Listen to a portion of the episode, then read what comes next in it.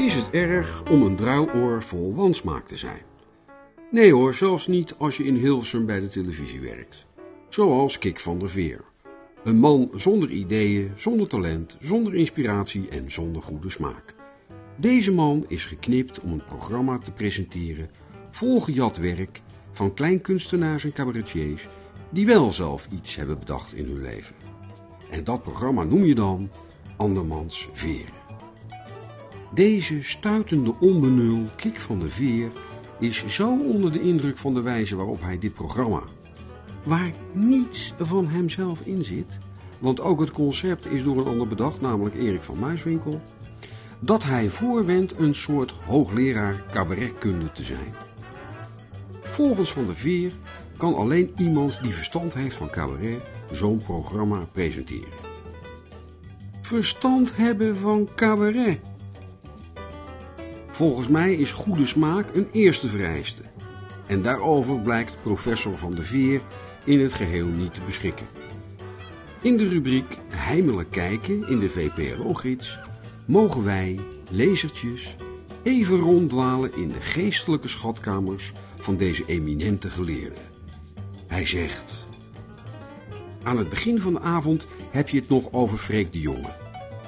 En als het dan wat later wordt, de helft van het feestje is weg en de vrouwen zijn naar bed, dan hebben we het over Jensen. Al dus onze kik. Hij vervolgt over Jensen.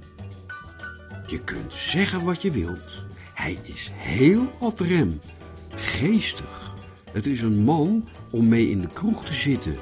Een beetje mannen onder elkaar humor met een grote krab bier in het midden ranzige moppen vertellen. En het een beetje over vrouwen hebben, weet je wel. Veel tieten. Al dus de hoogleraar.